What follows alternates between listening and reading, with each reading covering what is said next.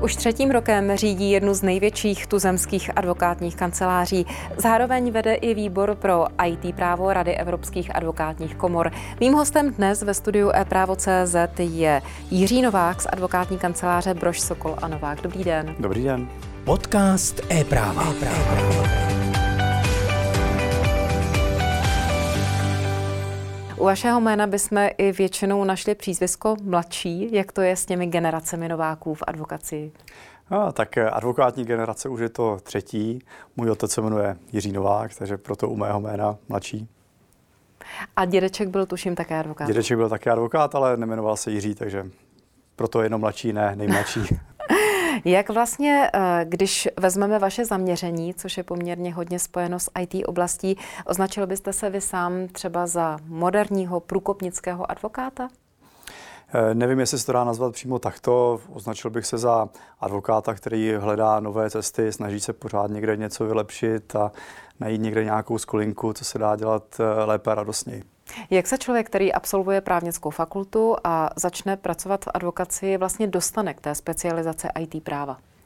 Já bych ani neřekl, že, jsem, eh, že se specializuje na IT právo. Eh, v kanceláři v podstatě eh, nej, nejčastěji děláme trestní právo, proto jsme nejznámější, ale je to prostě souzení se v civilních sporech správních, správním soudnictví a to IT právo je, nebo záliba v IT IT věcech. Eh, to je prostě záliba, která s tím jde eh, ruku v ruce.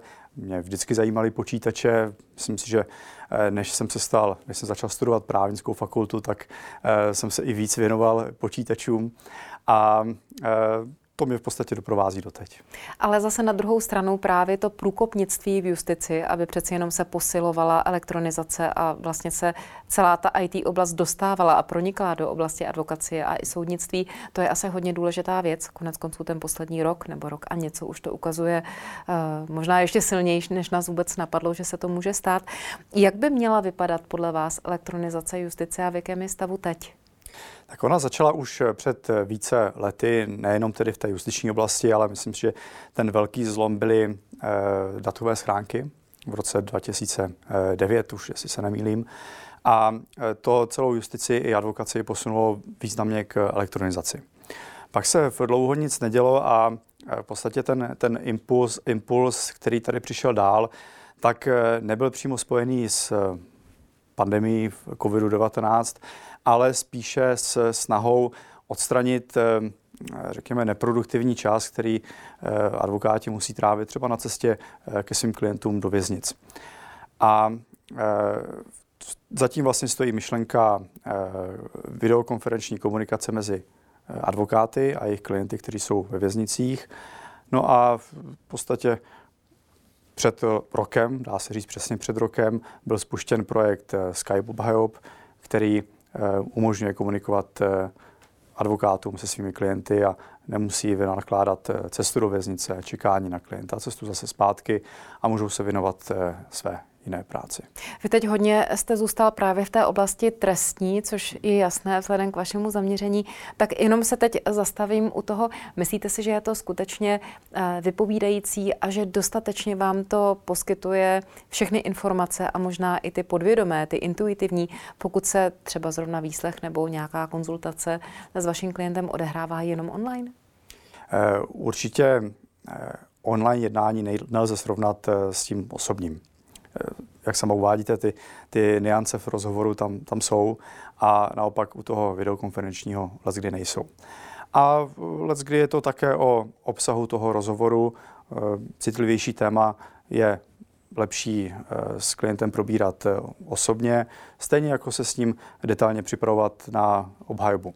Ale potom je spoustu otázek, které jsou třeba nějakého jednoduchého organizačního charakteru a kvůli Eh, desetiminutovému rozhovoru, eh, který potřebuji s tím klientem vést nebo zeptat se ho na nějakou drobnost, tak eh, je jednodušší to provést videokonferenčně vzdáleně, než zase jet do té věznice, hmm. čekat tam na něj, jet zpátky. Takže řekněme, že vlastně tady to může pomáhat, ale hmm. do určité míry jsou nějaké limity a třeba je to určitě zjednodušení pro tu formální stránku. Určitě a je to, je to doplněk té, té osobní komunikace. A když se vezmeme celkově elektronizaci justice jako takové, jaké body vnímáte, že nám tady chybí, jaké se podařily, jaké byste třeba prosazoval, pokud budete mít tu možnost? Myslím, že tím eh, dalším krokem, který teď už je i eh, v plánování, tak, je, eh, tak jsou videokonferenční soudní jednání. Myslím, že záhy nás čeká i jejich rozšíření a do budoucna také Eh, nastavení i eh, co se týče eh, jiného legislativního uchopení, ale to je všechno ještě, ještě v diskuzi. Vlastně v dnešní době probíhají videokonferenční soudní jednání. V trestních věcech jsou to třeba vazební zasedání nebo rozhodování o podmíněném propuštění z výkonu trestu odnětí svobody a v, v poslední době také třeba ve správním soudnictví. Ale pořád je velký prostor, zvláště v těch civilních věcech, aby soudní jednání probíhaly online, videokonferenčně, eh, třeba přípravné jednání, kde neprobíhá nějaké složité dokazování nebo neprobíhá žádné dokazování, nebo jednání, kde, kde to dokazování je eh, jednoduché, tak eh, může být důvodné a rozhodně i třeba hospodárnější, aby se účastníci nebo jejich právní zástupci, především právní zástupci, účastnili toho jednání online a opět ušetřili cestu k soudu, Eh, mohli se věnovat případně jiné, jiné věci v tom, v tom čase, který by jinak trávili eh, na cestě. No a řídí prostě víc věcí. No a zase je to, je to určitý i technický posun, posun dál. Takže asi nejste úplně zastánce toho, aby se v podstatě soudní jednání postupem času dostala do té online roviny. Mm-hmm. Konec konců třeba asi v těch trestně právních záležitostech, možná ani v rodinných si to asi neumíme úplně představit. Je to různé. Eh, já sám jsem měl nedávno eh, hlavní líčení, obhajoval jsem svého klienta v trestní věci u jednoho pražského soudu a eh, klient se účastnil videokonferenčně z Londýna. A šlo to, myslím si, že to šlo celkem mm-hmm. bezproblémově a ta věc úspěšně skončila. Jaká vidíte úskalí, nebo co třeba i vaše kolegové, protože mhm. ne každý je asi tak progresivní a možná asi narážíte i v rámci profesní komory třeba i na odpůrce? Tak eh, samozřejmě těch názorů je, je spoustu a je to dobře. Eh, myslím si, že hlavně v počátku videokonferenční soudní jednání budou probíhat pouze se souhlasem všech zúčastněných, nebo myslím si, že by to tak mělo být, zvláště tedy v těch civilních věcech. A je to o tom, aby eh, se to rozšířilo i mezi kolegy, i mezi eh, soudy, aby si uvědomili, že to může fungovat, že se není čeho obávat, vyzkoušeli si to. A myslím si, že ten rozvoj tady bude. Stejně jak, eh, a to se vracím třeba k těm Skype obhajovám, i ty se rozvíjí. V první měsíc samozřejmě těch rozhovorů bylo málo, Nyní jsou to stovky, stovky rozhovorů měsíčně. Tak ono také asi budeme se bavit třeba za nějaké roky úplně mm. jinak, pokud technika vlastně doskočí ten adekvátní svůj vývoj mm. a najednou třeba budeme mít dispozici trošku jinou a dokonalejší techniku, tak možná potom Samozřejmě. i kolegové odpůrci řeknou ne, teď už je to v pořádku, teď už to pro nás má vypovídací hodnotu. Přesně tak. Vemte si, ještě v 90. letech se ze svobody eh, komunikovalo písemně, psalo se na psacích strojích a, a počítač eh, to bylo skoro něco nepředstavitelného, co eh, pomalu nikdo neměl v kanceláři a, a kdo jsme dnes. Když se rozkliknu vaší stránku advokátní kanceláře Brož Sokol a Novák, tak tam hezky v pravém horním koutě máte takový ten krásný obrázek mm-hmm. s mhm. koženými pohovkami, mm-hmm. takové to typické, co člověk má ještě se zelenou lampičkou spojené s advokací a vůbec jakoby s tím právnickým prostředím.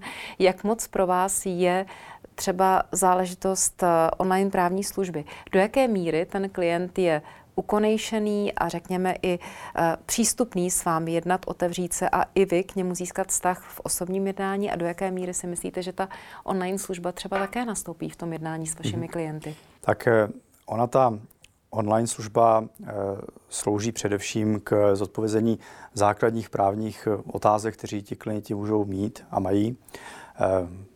Můžeme to s nima probrat videokonferenčně, telefonicky, nebo si sednají dopředu osobní sůzku. To výhodou je, že ví, kolik je to bude stát, ví to dopředu, takže eh, odstraňujeme takovou tu obavu lesterých eh, klientů, eh, že ještě než přijdou do advokátní kanceláře, tak už jim začne běžet sazba. Není to tak samozřejmě, ale díky, díky této online službě ví dopředu, jaká ta částka bude a ví to samozřejmě eh, eh, a můžou se sami rozhodnout, jestli tu službu využijí nebo ne. No a pokud jim ten, tu jejich právní otázku zodpovíme, tak je to super. A pokud v průběhu času zjistí, že vlastně ten problém je, je širší než jenom na tu jednoduchou odpověď, no tak třeba převezmeme jejich zastoupení a ta právní služba už potom pokračuje dál v tom standardním režimu a samozřejmě řešíme to s nimi individuálně. Další věcí jsou kurzy, teď se jim říká tutorované, jsou vedené na mhm. dálku. Jak s vámi souvisejí? Eh, souvisejí se mnou tak, že už eh, dlouhá léta jsem eh, zástupcem České advokacie v programu Help Rady Evropy. Je to vzdělávací program o lidských právech pro právní profesionály, pro právníky.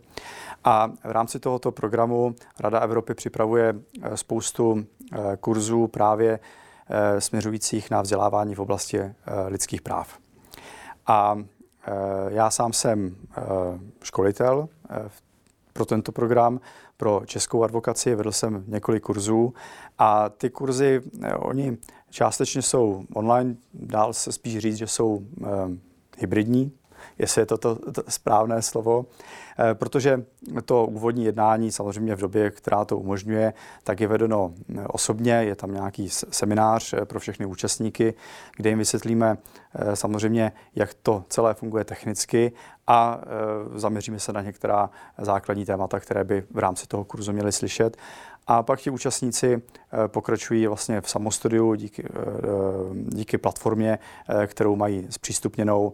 A ten kurz trvá v průměru asi tři měsíce, takže během těch tří měsíců vlastně si projdou ten celý kurz a jsou současně i vedeni dále ještě v nějakých detailních modulech a jsou podrobováni různým otázkám a testů právě ze strany školitele, takže myslím si, že většina z nich je ráda za absolvování toho kurzu a možná i proto, že vlastně ty kurzy a podporuje to Rada Evropy, jsou eh, mezistátní. My jsme vlastně ty kurzy měli eh, pro společně pro české a slovenské advokáty, takže ono eh, i tímto způsobem vlastně udržujeme, eh, udržujeme dobré vztahy i s, s našimi eh, slovenskými bratry a sestry. Možná bychom měli i zmínit, proč je stále důležité se bavit a vzdělávat v oboru lidských práv. Ono se dá říct, že v podstatě eh, ty zásady listin a ústav se promítají téměř do všech eh, právních systémů a že to není zas až tak složité ani obsáhlé, ani třeba uh, nutné tolik diskutovat, protože to nepodléhá příliš změnám. Ale proč je ta důležitost té znalosti a možná právě pořádání takových kurzů?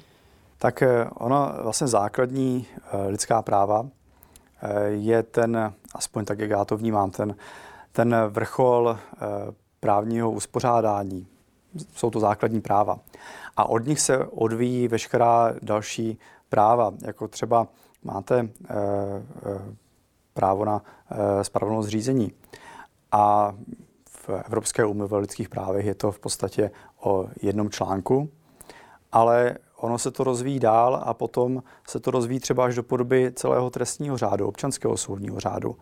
A celé to řízení, ať již eh, civilní, správní, trestní, musí být vedeno tak, aby odpovídalo těm, těm základním zásadám, které jsou právě vtěleny eh, do těch eh, základních práv a které jsou interpretovány třeba ústavním soudem anebo Štrasburským soudem. Mm-hmm. Takže v podstatě jde vlastně o tu orientaci, jak se ta základní práva promítají do těch vnitrostranických právních systémů. Do těch vnitrostátních eh, systémů, přesně tak. A nejenom z pohledu ehm, řekněme, třeba eh, štrasburské judikatury a interpretace úmluvy, ale eh, ovlivňují nás také evropské předpisy, evropské směrnice i v oblasti třeba trestního práva. A prostě ten, kdo je zná, má určitou výhodu a může právní službu poskytovat eh, svým klientům eh, třeba trošku kvalitněji než ostatní. Mm-hmm. Já se vrátím ještě do Rady evropských advokátních komor. Už jsem říkala mm-hmm. v mhm. úvodu, že vedete výbor pro IT právo. Čím se tam vlastně zabýváte? Vším, co se týká IT práva a advokátů a lidských práv a, eh, a vlády práva. To znamená konkrétně aplikovaně? Takže třeba teď aktuálně se budeme věnovat umělé inteligenci, protože Evropská komise včera vydala návrh nařízení o umělé inteligenci My už jsme ty předchozí, ty, ty, ty přípravné návrhy komentovali. Evropské komisi jsme k tomu předkládali nějaký náš názor, názor evropské advokacie, to je vlastně CCB, evropská advokacie a e, budeme to samozřejmě připomínkovat dál, ale není to jenom o umělé inteligenci, to je něco, co e, tady už sice už existuje, ale ne v nějakém takovém rozmachu, který by třeba úplně ovlivňoval advokaci jako takovou nebo justici. A ono dřív nebo později, ale e, i ta umělá inteligence bude pronikat do, do justice a do advokacie.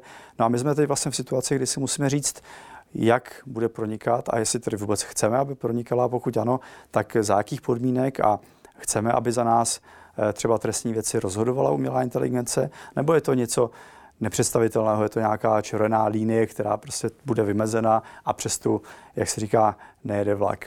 A nebo po případě, kde je ta hranice? Přesně tak, kde, kde je ta hranice?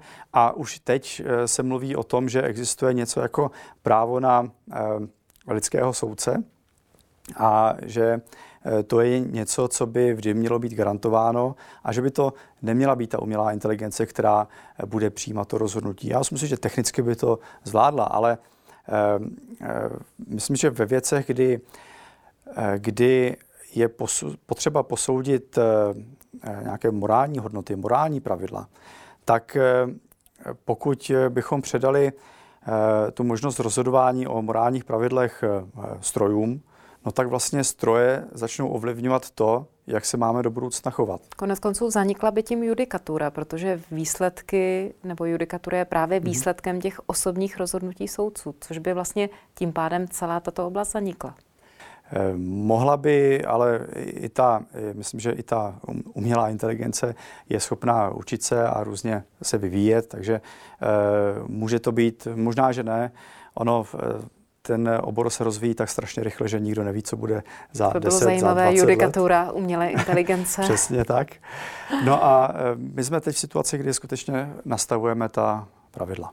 A jaké je přijetí, nebo s jakými názory, ať už střícnými nebo úplně odmítavými, se setkáváte? E, nemůžu říct, že bychom se setkávali s názory, které by to a priori odmítali. E, určitě je to o tom, že tato technologie může pomoci i justici, i, i advokaci, která vlastně součástí justice. Eh, ale eh, velmi významně zaznívá ten zdvižený prst, prostě to, to pozor na to, co to, co to hmm. udělá. Ale nevěnujeme se jenom umělé inteligenci, to je zrovna teď aktualita, která prostě je na stole, ale... Eh, Vy jste obet... zmínil včera, já vám skočím do řeči, ano. že vlastně se bavíme o 21. dubnu, pokud nás někdo teď poslouchá Přesně třeba tak. později. Přesně tak.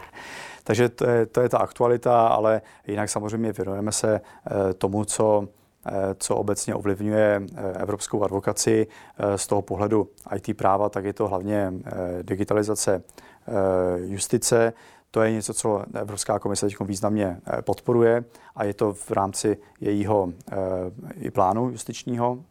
A eh, no, proto vlastně i ta, i ta videokonferenční jednání, soudní jednání, i ta komunikace advokátů s klienty ve věznicích, to všechno vlastně navazuje i, i na tuto činnost. Vnímáte třeba nějaký rozdíl, když se podíváte na vůbec advokaci v různých státech a jistě porovnáváte aktivity těch různých oborových komor, že třeba někdo je daleko vyvinutější než nějaká jiná oblast, ať už Evropy, nebo co se vlastně stýkáte asi v rámci Evropské unie hlavně. Vnímáte tam rozdíly, ať už mezi informovaností, mezi řekněme zpátečnickým přístupem nebo naopak progresivním přístupem? Um, každá advokace je trošku jiná. Každá advokace je založená taky na nějakém uh, právním systému. Samozřejmě ta situace je jiná, jiná u nás a jiná je třeba v, v Anglii. A e, každá ta advokacie e, má to svoje.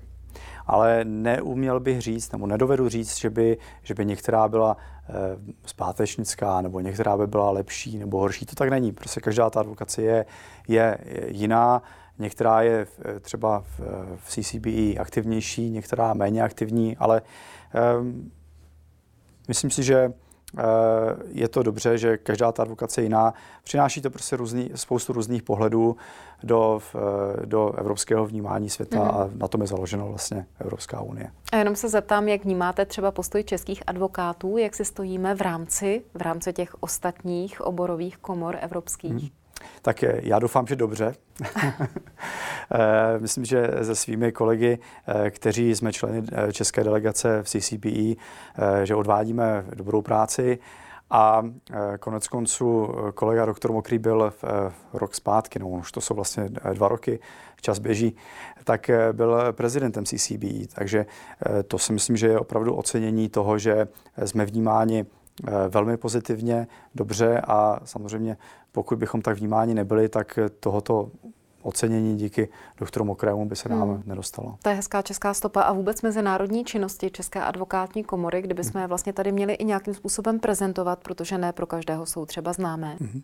Tak eh, CCBE, Evropská, eh, Rada evropských advokátních komor, to je samozřejmě jedna oblast, která nás eh, docela vytěžuje. Nicméně Česká advokátní komora skrze svůj mezinárodní odbor a sekci mezinárodního práva tak eh, má navázány kontakty se spoustou eh, světových eh, advokací.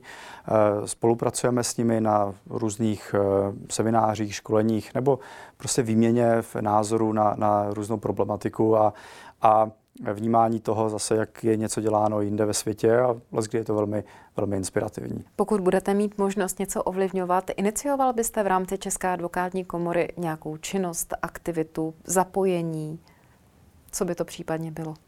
tak eh, myslím si, že elektronizace justice a advokacie je to, o čem jsem mluvil, tak myslím, že to je celkem eh, přirozené, že to je něco, v čem chci pokračovat eh, dál. Máme před sebou ještě velmi dlouhou cestu. Eh, ono, eh, ta komunikace, ty, videokonference mezi eh, advokáty a klienty ve věznicích, to je taková eh, dalo by se říct třešnička na dortu, byť tím jsme začínali, ale teď nás, chystá, teď nás čeká, čekají videokonferenční soudní jednání a do budoucna určitě i širší elektronizace justice, elektronické spisy, přístup do elektronických spisů, to, aby odpadla potřeba advokátů jít nahlížet do spisu, pořizovat fakticky manuálně kopie spisů, trávit tím spoustu času, spoustu, dá se říct, hodin. To je něco, čeho bych chtěl určitě dosáhnout a, a myslím si, že k tomu dospějeme. Tak uvidíme mnoho témat třeba pro naše příští setkání. Určitě. Já vám děkuji za to dnešní a přeju hodně úspěchů. Děkuji za návštěvu. Naschledanou. A loučím se i s vámi a připomenu, že hostem dnešního studia e-právo.cz byl Jiří Novák z advokátní kanceláře Brož, Sokol a Novák. Naschledanou.